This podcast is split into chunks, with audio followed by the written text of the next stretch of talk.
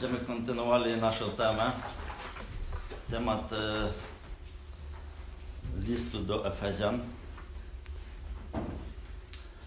Tydzień temu przedstawiona została misja apostoła Pawła, której treścią jest e, wyjaśnienie tego, e, czym jest tajemnica Chrystusa. Inaczej tutaj różnymi słowami to można opisać.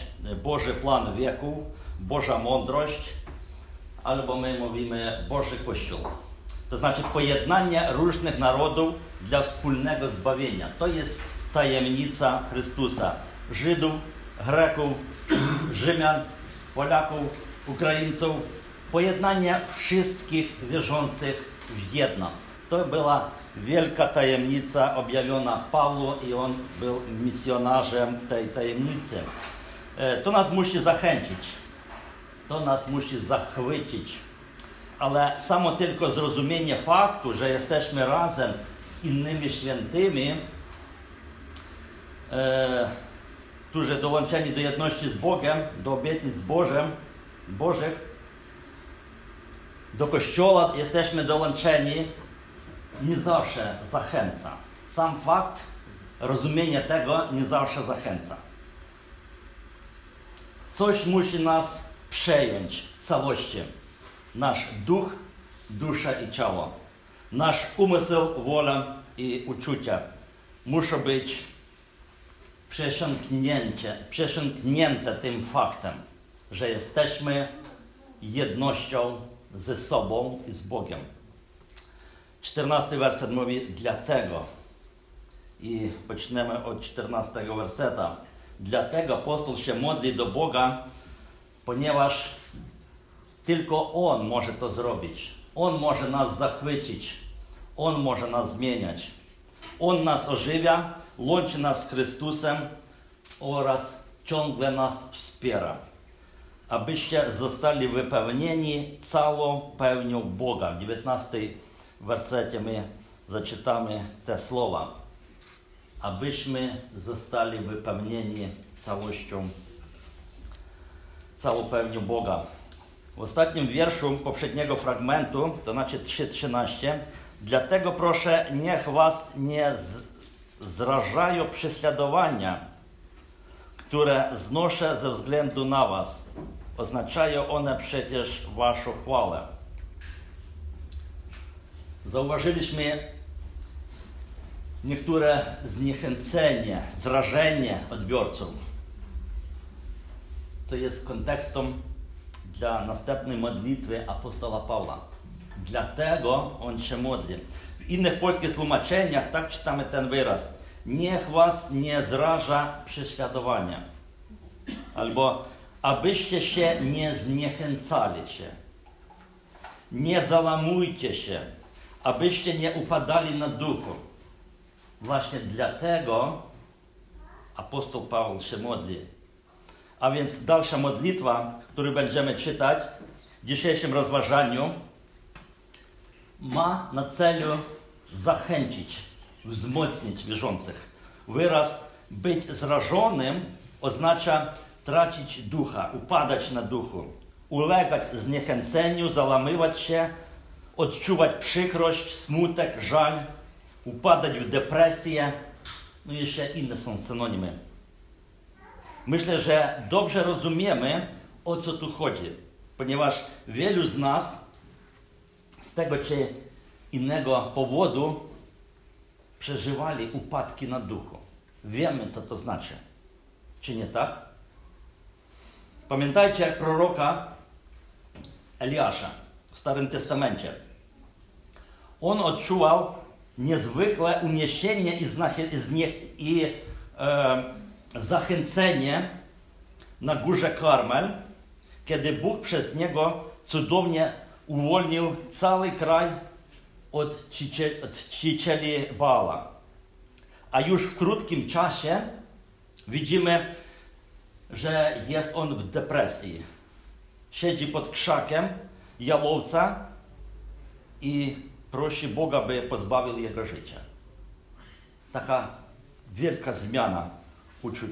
Po prostu trudno uwierzyć, że to ten sam człowiek. Minęło tylko kilka godzin od wspaniałych wydarzeń na tej górze Karmel, a on już wypowiada słowa. Panie, zabierz moje życie. Jest nic nie warte. Nie potrafię dalej żyć.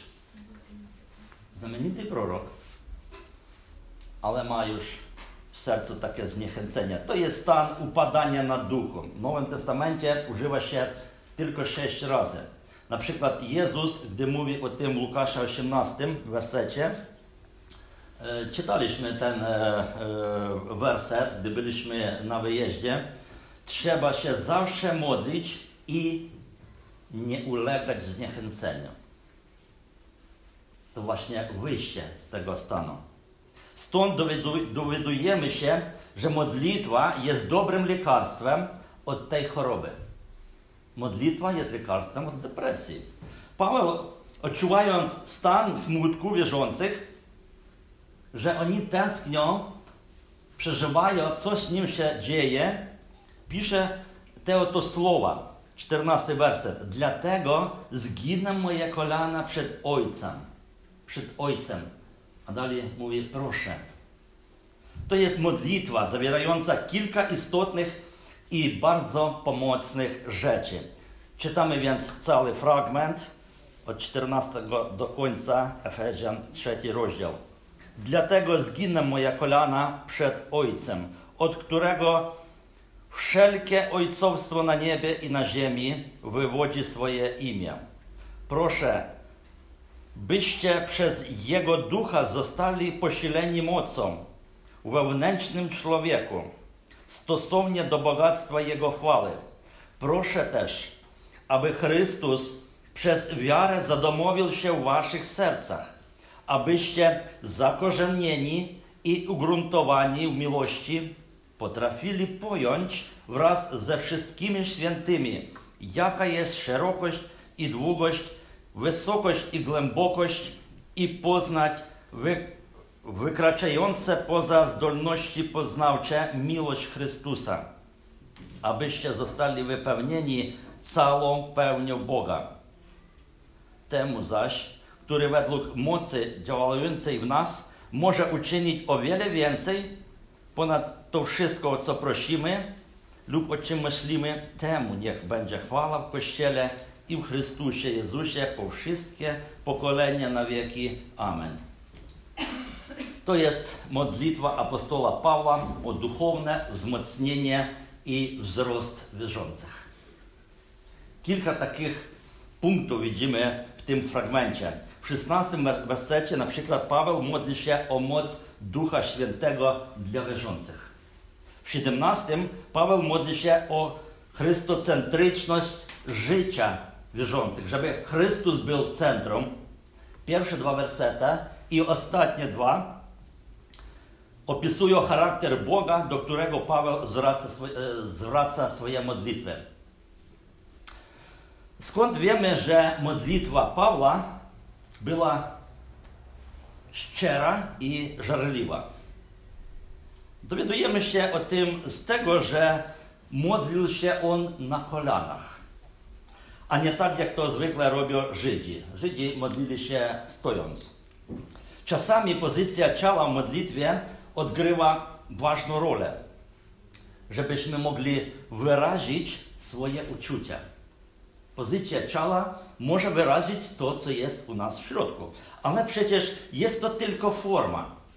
Stojąc, leżąc, siedząc czy na kolanach, możemy modlić się w każdej,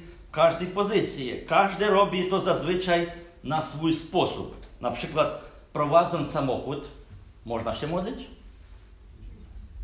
Jeżeli oczy otwarte, tak? E, czy wykonując jakąś pracę zawodową, my możemy się modlić. To tyle na temat formy. To jest ważne. E, rozważając nad tym tekstem, chciałbym zilustrować nasz duchowny rozwój, jak my się rozwijamy, porównując to do naturalnego rozwoju człowieka. Każda żywa istota ma swoje takie etapy rozwoju. Poczynamy od samego początku. życie zaczyna się. Potem idzie proces rozwoju, potem dorosłość, no i na końcu śmierć. E, jeżeli mówimy o życiu duchowym, to również obserwujemy następujące cztery etapy. Pierwsze to jest duchowne odrodzenie. Człowiek zaczyna duchowno istnieć, gdy nawraca się. Mówimy o uwierzeniu poprzez usłyszenie Ewangelii i zrodzenie się nowego życia wraz z darowaniem Ducha Świętego. Mówimy to chrzest duchowny.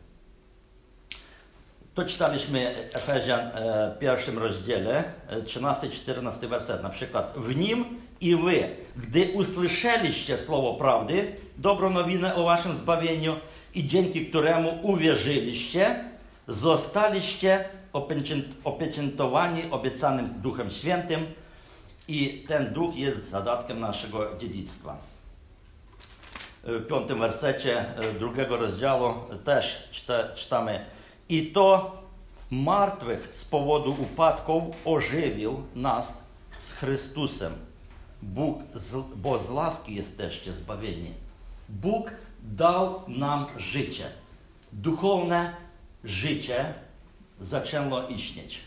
Dalej idzie rozwój tego życia. Rozwój nawyków duchownych, duchowych, pogłębiania relacji z Bogiem, rozwój duchowych darów, poznanie Boga, poznanie Jego woli. Tak się rozwijamy. I potem idziemy już gdzieś tam dojrzałość. Nie wiem za ile lat, ale za jakiś czas, nie może od razu. Dojrzałość chrześcijańska. I w tym właśnie liście jest opisane, ale trochę później. Poczynając od czwartego rozdziału, czytamy już o dojrzałości. Mowa pójdzie o chrześcijańskim zachowaniu, o służbie, o duchownej walce, no i tak dalej. I czwarty, ostatni etap, zamiast śmierci, mówimy o wieczności. Bo życie duchowne y, nigdy się nie kończy, podobne innym formom życia. Duchowne życie zawsze istnieje. Jest to nasze podobieństwo do swojego Stwórcy. Bóg nas stworzył na swoje podobieństwo. Jesteśmy wiecznymi istotami. Na Jego obraz jesteśmy stworzeni. W modlitwie, którą przeczytaliśmy, Paweł prosi o wierzących, aby Bóg dał im duchowy wzrost. Paweł modli się, żeby oni mogli wzrastać. Wcześniej, pierwszy rozdział, 17 werset i dalej, e, było to miesiąc temu, Konrad czytał. Przypomnę jeszcze raz. Proszę, by Bóg naszego Pana Jezusa Chrystusa, Ojciec chwały, dał wam ducha mądrości i objawienia dla dogłębnego poznania Jego. I dalej. Było wspomniano o modlitwie apostoła.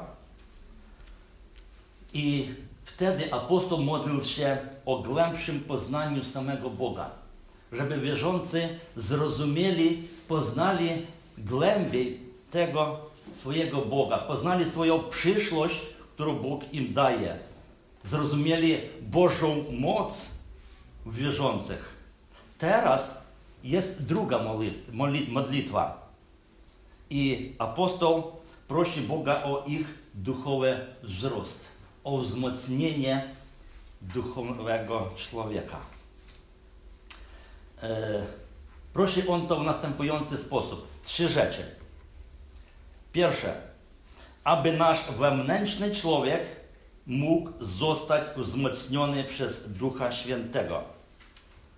16 werset. Proszę, byście przez Jego Ducha zostali posileni mocą wewnętrznym człowieku stosownie do bogactwa Jego chwały.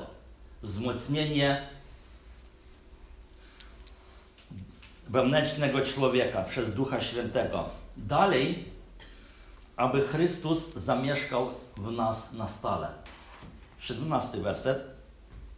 Proszę też, aby Chrystus przez wiarę zadomowił się u waszych sercach, abyście zakorzenieni i ugruntowani miłości. To już trzeci, e, trzecia taka prośba, aby być przepełnionym miłością Chrystusa. Żeby zrozumieli, koniec 17 i dalej, potrafili pojąć wraz ze wszystkimi świętymi, jaka jest szerokość, głębokość, wysokość i długość miłości. 16 werset zawiera wyraz wewnętrzny człowiek. Mowa idzie o naszej duszy, to znaczy naszej niewidzialnej osobowości, wewnętrznym naszym ja w istocie człowieka. Tuż po nawróceniu nasz wewnętrzny człowiek potrzebuje wzmocnienia, posilenia mocą, jak e, czytamy wyraz. Duch Święty, właśnie On wykonuje całą pracę wzmocnienia w nas wewnątrz. Potrzebujemy nie tego, żeby nasza stara natura mogła się rozwijać, mogła się posilać, wzrastać do wysokich poziomów, lecz potrzebujemy wzmocnienia wewnętrznego, nowego, tylko zrodzonego życia, które tylko zaczęło istnieć życia Chrystusowego w naszej osobowości. Właśnie gdy zaprosiliśmy Go w swoje serce, On zaczyna tam prowadzić swoją pracę i potrzebujemy tego rozwoju. To wzmocnienie dotyczy poziomu rozumu, uczuć i woli. O co chodzi? Trochę powiem. Rozum albo umysł jest to nie tylko wiedza teoretyczna, edukacja, informacja. Nasz umysł również włącza poprawną analizę zdarzeń, interpretację tego, co się dzieje wokół, logiczne wnioski, umiejętne znajdowanie odpowiednich rozwiązań w różnych sytuacjach. Mówiąc najprościej, zadaniem naszego umysłu jest odróżnianie dobrego od złego, aby móc żyć mądrze. Rozum to jeszcze nie jest mądrość. Rozum plus doświadczenia wtedy jest mądrość. A rozum to tylko taka baza wiedzy e, i e, różna edukacja. Dalej uczucia. Uczucia są bardziej skomplikowane. To sprawa taka, mi się wydaje, bardziej trudna. Do tego e, włączam i charakter, i zachowanie, i jakieś naturalne reakcje człowieka, i wyrażenie naszego doświadczenia, w jaki sposób to wyrażamy, nasze skłonności, postawy, kulturowe przyzwyczajenia. To wszystko uczucia. To jest cały wewnętrzny świat człowieka. Nauka psychologii zajmuje się badaniem tych procesów, e, uczuć i ludzkiego charakteru. Ważne jest, aby się nie zagłębiać się w tą naukę, ale porównać e, wszystko z nauczaniem biblijnym. Tam widzimy dość rzeczy, które korzystne dla tego, żebyśmy mogli we właściwy sposób wzrastać i w naszych uczuciach. Przeczytany, nami fragment mówi o tym, żeby Chrystus stał się centrum naszego wewnętrznego życia. A wszystkie nasze przekonania, uczucia, nasze nadzieje, żeby krążyli się wokół Niego. Chrystus jest w centrum, mówimy na tronie, a wszystko wokół Niego. Właśnie o to chodzi. Wola jest powiązana z umiejętnością podejmowania decyzji jest e, umiejętność mówienia nie tam, gdzie jest koniecznie. To jest taka zdolność, żeby zmienić samego siebie.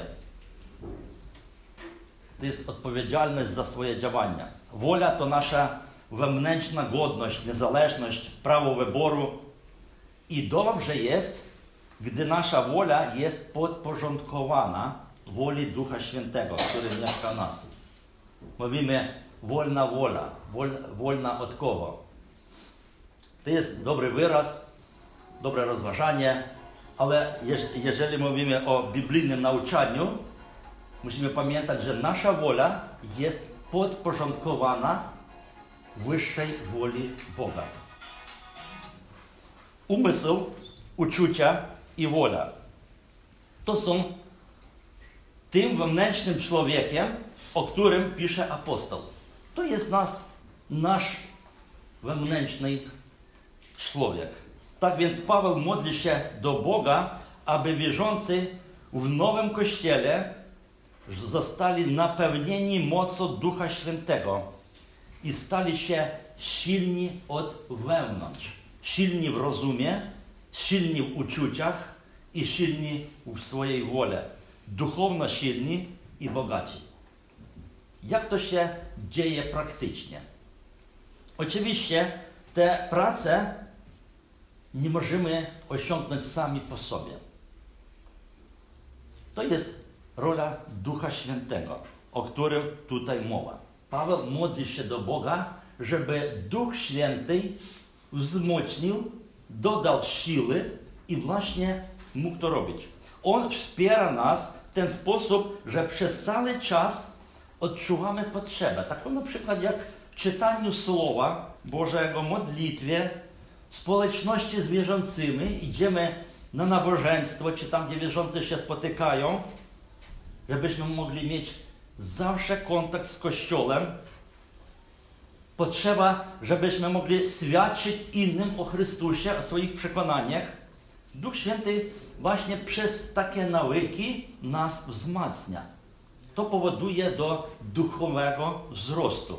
Przez to nasza wiara staje się silna, nasz umysł staje się czystym, nasza wola dojrzała, a nasze uczucia stają się otwarte i trzeźwe. Następuje taki okres, e, o czym apostoł wspomina dalej. 17a czytamy. Proszę też, aby Chrystus przez wiarę zadomowił się w waszych sercach. Chrystus zadomowił się w waszych sercach. Ciekawy wyraz też. On po prostu oznacza zamieszkanie. Stałe zamieszkanie. Czasami bywa tak, że słabi duchowo wierzący po prostu nie zdają sobie sprawy, że w nich mieszka Chrystus Pan. Oni zaprosili, poprosili, żeby On był ich Zbawicielem, Panem, ale gdzie On jest? Może ciągle tam gdzieś w niebie? Kościele? Zaprosiliśmy do środka, prawda? Do siebie. Oni na co dzień zachowują się tak, jakby nie byli chrześcijanami. A na przykład w niedzielę jesteśmy prawdziwi wierzący. No, ponieważ nas obserwują. Podobnie do tego, kiedy tymczasowo wynajmujemy pokój dla Chrystusa w swoim mieszkaniu.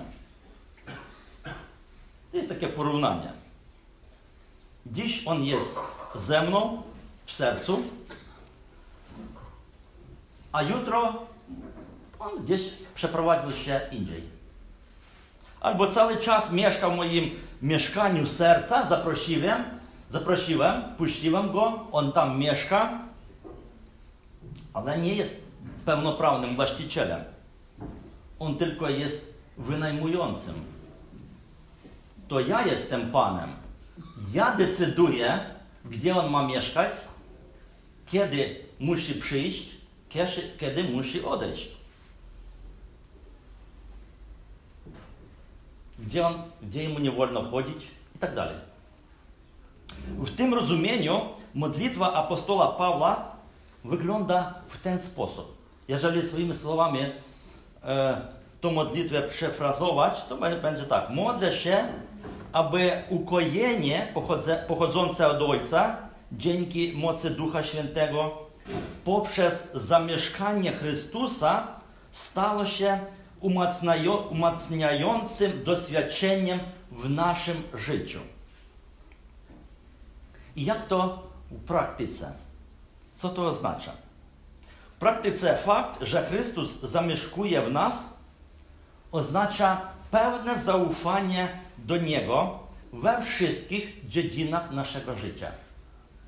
Nic nie ma takiego, w czym by my z Chrystusem nie omawiali i nie radziliby się. W tym jest ciągła duchowna walka ze złem i z grzechem.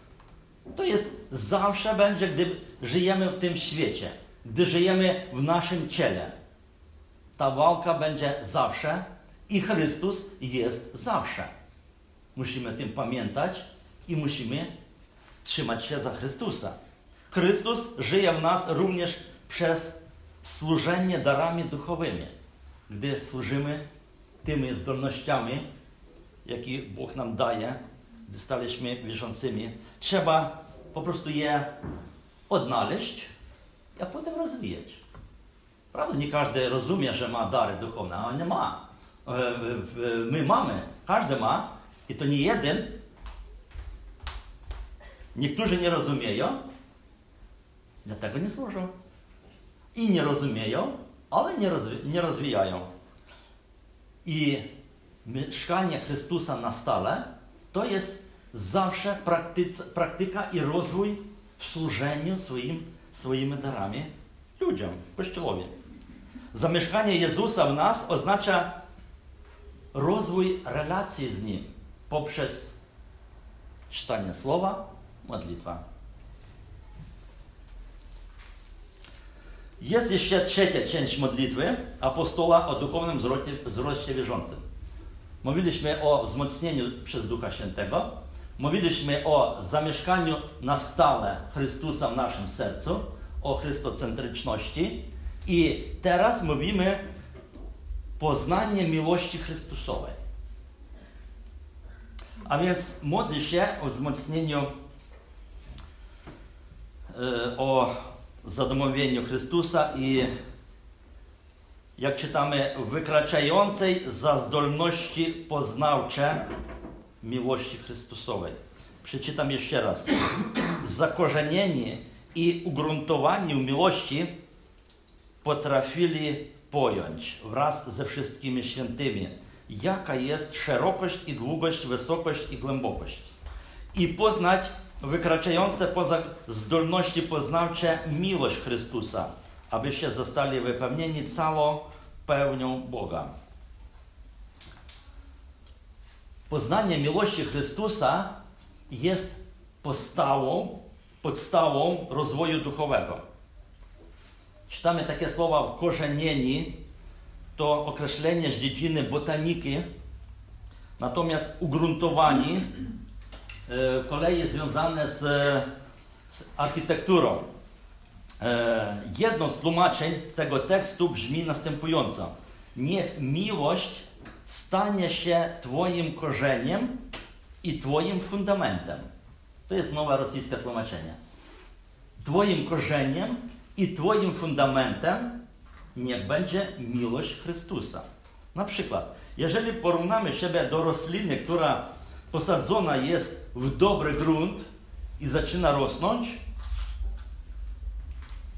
gdy rozrastamy się w tym gruncie, ciągnąć, e, ciągnąć e, przez korzenie dla życia minerały, to tym gruntem dla nas właśnie jest miłość Chrystusa. Posadzeni jesteśmy w Nim. Od Niego mamy pożywienie. Od Niego wzrastamy, na Nim rosniemy. A jeżeli porównamy siebie do budynku, które zaczynamy budować, to fundament ważny jest. Cały budynek opiera się na tym fundamencie. On na nim, na nim jest zbudowany, trzyma się, za, e, dzięki niemu istnieje. Słowo ugruntować się ma znaczenie stać się mocnym, twardym, niepodatnym na zmiany i wpływy. Dlatego apostoł modli się, aby wierzący zostali wkorzenieni w głębę miłości i ugruntowani w fundamencie miłości. Jak to działa na praktyce? Jest to szczególnie ważne, kiedy doświadczamy samotności na przykład i nie czujemy się kochani. No zazwyczaj to młodzież odczuwa takie uczucia, ale nie tylko. E, jest też porzucony, niezrozumiały, niedoceniony. Czy przepełniają nas e, uczucia takie jak lęk, e, wstyd, wina. Szczególnie gdy jesteśmy zniechęceni, rozczarowani, wtedy dobrze zrozumieć, czym jest miłość Chrystusa. Wtedy zrozumienie miłości Chrystusa naprawdę pomaga, ponieważ przez ludzi tego nie znajdujemy. Na odwrót, każdy człowiek może nas jeszcze więcej zranić, gdy jesteśmy w takim stanie. A Chrystus w każdej okoliczności silnie nas kocha. Jego miłość nigdy nie ustanie. Pamiętamy o tym, nawet nasze grzechy dla Niego nie są przeszkodą, ponieważ On już oddał swoje życie za nas, za nasze grzechy. Przeczytamy Rzymian 8, z 31 wersetu. Cóż więc na to powiemy? Jeśli Bóg za nami, kto jest przeciwko nam? On, który nie oszczędził nawet własnego syna, ale go za nas wszystkich wydał, jakżeby wraz z nim nie darował nam wszystkiego? Kto nas odłączy od miłości Chrystusa? Pytanie retoryczne. Nikt. Nawet gdy straciliśmy swoich bliskich, Chrystus z nami wciąż pozostaje. Trzymajmy się za Niego. Paweł mówi, modlę się, aby poznali Twoją miłość, która wykracza poza zdolności poznawcze.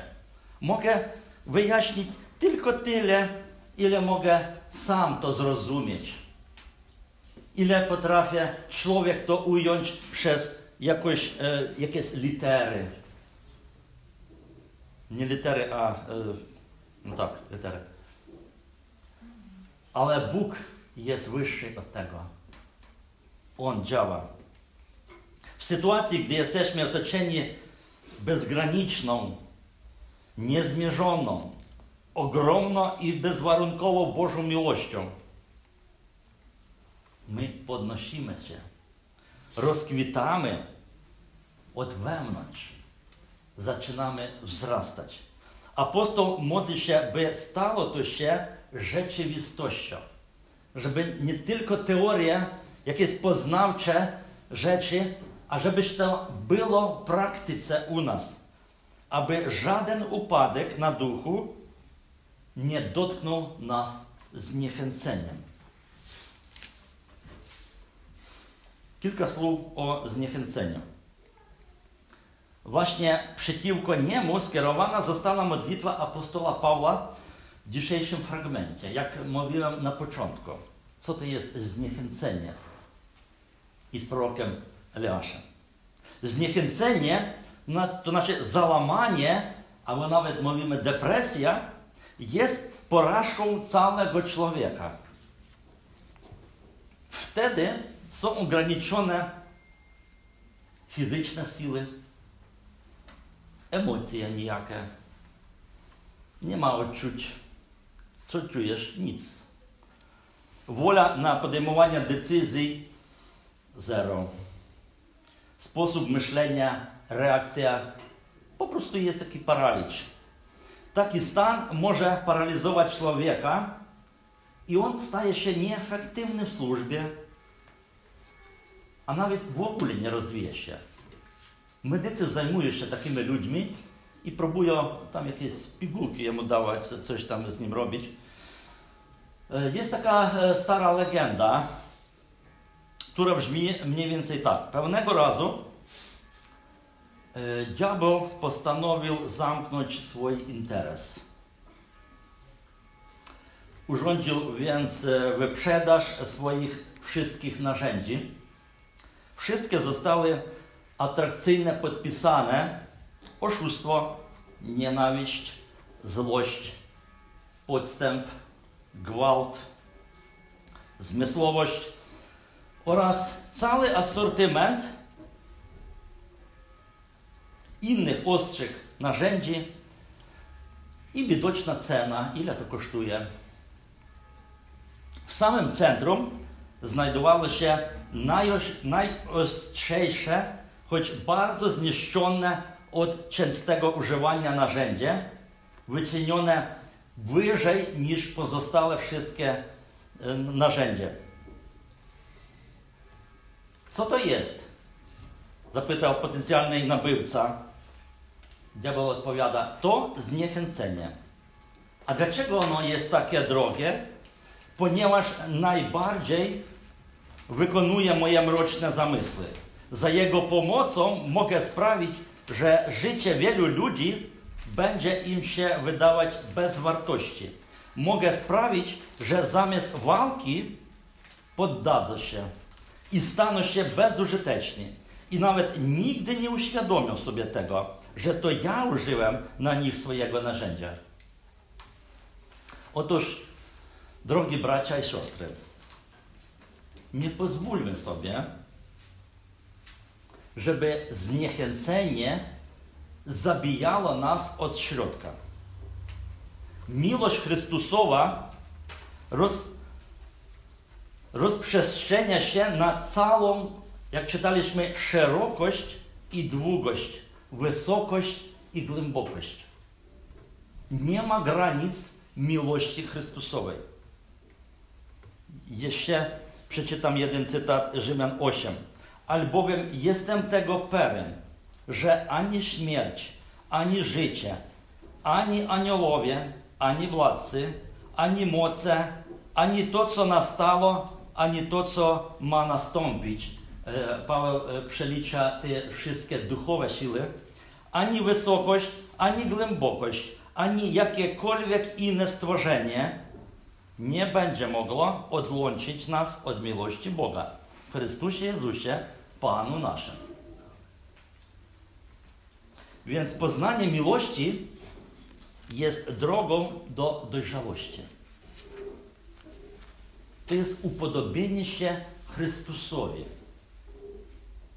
A Paweł nawet pisze, żebyśmy mogli wypełnić się całą pełnią Boga. To właśnie jest miłość. Na koniec przeczytam dwa ostatnie wersety i będziemy się modlić.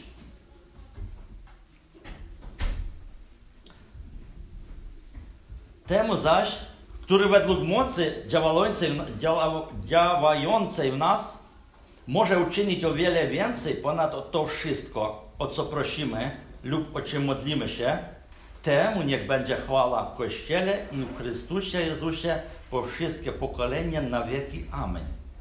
Bóg czyni to przez Chrystusa. To wszystko przez Chrystusa. W czas, kiedy prosimy coś u Boga, to modlimy się tak, jak myślimy i w miarę naszego poznania, jak rozumiemy, jak umiemy. Każdy na swój sposób. Ale Bóg jest znacznie większy, silniejszy i mądrzejszy od naszego rozumienia i od naszego umienia, umiejętności. a jeszcze Bóg nas kocha. Dlatego, gdy prosimy o coś, pamiętajmy, że kochający Bóg zrobi nawet o wiele więcej niż prosimy. Prostu wychwalajmy Boga za to, kim On jest, jaki On jest. Właśnie tym zachwycajmy się i te, tym wzrastajmy. Amen. Sława naszemu Bogu. Pomodlimy się. Zachęcam do modlitwy. Może ktoś ma takie pobudzenie.